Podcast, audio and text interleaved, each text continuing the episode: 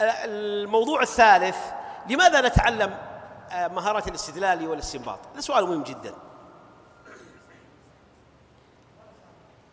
لماذا نتعلمها؟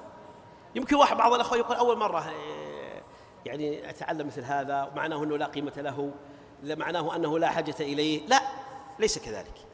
آه، هو قد يدرس الطلبة بعض الأحيان يعني مبثوثا لكن يمكن حظ هذا الدرس أنه يعني لمه في بعنوان واحد. لكن الاستدلال أيها الإخوة والاستنباط قضية شرعية خطيرة جدا. من جهات كثيرة.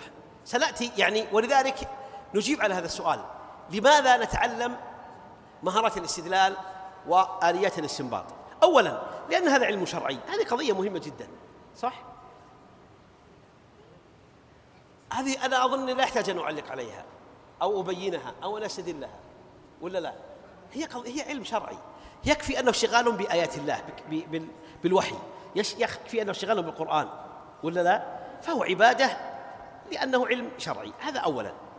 ثانيا نتعلم الاستدلال والاستنباط لنفهم كلام الله على مراد الله. لنفهم مراد كلام الله على مراد الله.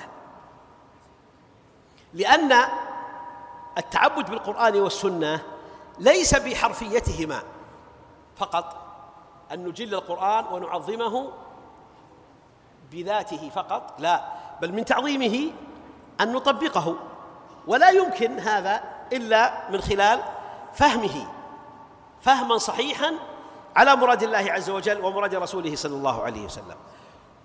والوسيلة لفهم مراد الله من كلامه هي أن نتعلم كيف نستدل وكيف نستنبط. واضح أيها الإخوة ولا ما هو واضح؟ ولذلك يعني من من من أهم آه، ثمرات علم الاستدلال والاستنباط أنه يوصل إلى الأحكام موافقة لمراد الله عز وجل على المنهج الذي أراده الله سبحانه وتعالى وأراده رسوله صلى الله عليه وسلم. وسيأتي مثلا أن أهل البدع استدلوا بالقرآن. فلما لم يكن استدلالهم على مراد الله نتجت عنه احكاما على غير مراد الله.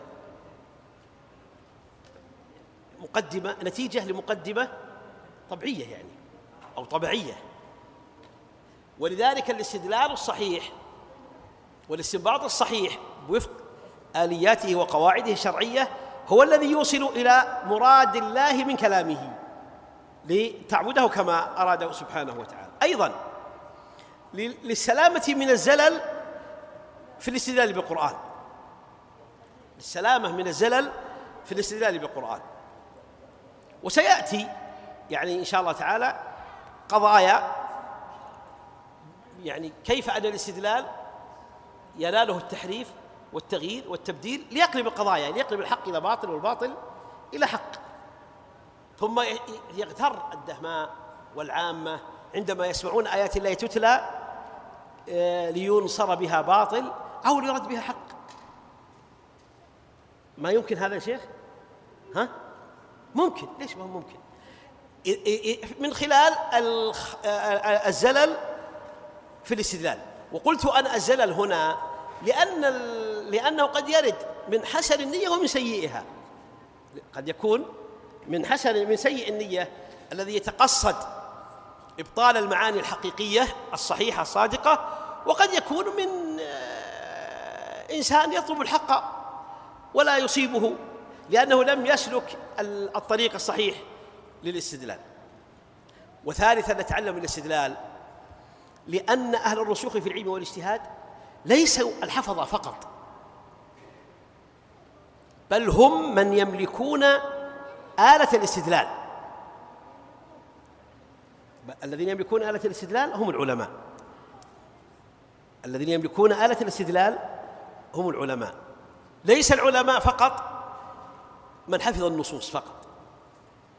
بل العلم الراسخ هو في معرفة كيف تستخرج الحكم من الدليل. ولذلك قلت قبل أن ابن السمعاني أو أو السمعاني أجمل شروط الاجتهاد كلها في أن يحسن الاستدلال والاستنباط من الدليل وفق قواعد الشرع. جعلها في جعل كل شروط المجتهد في هذا السطر.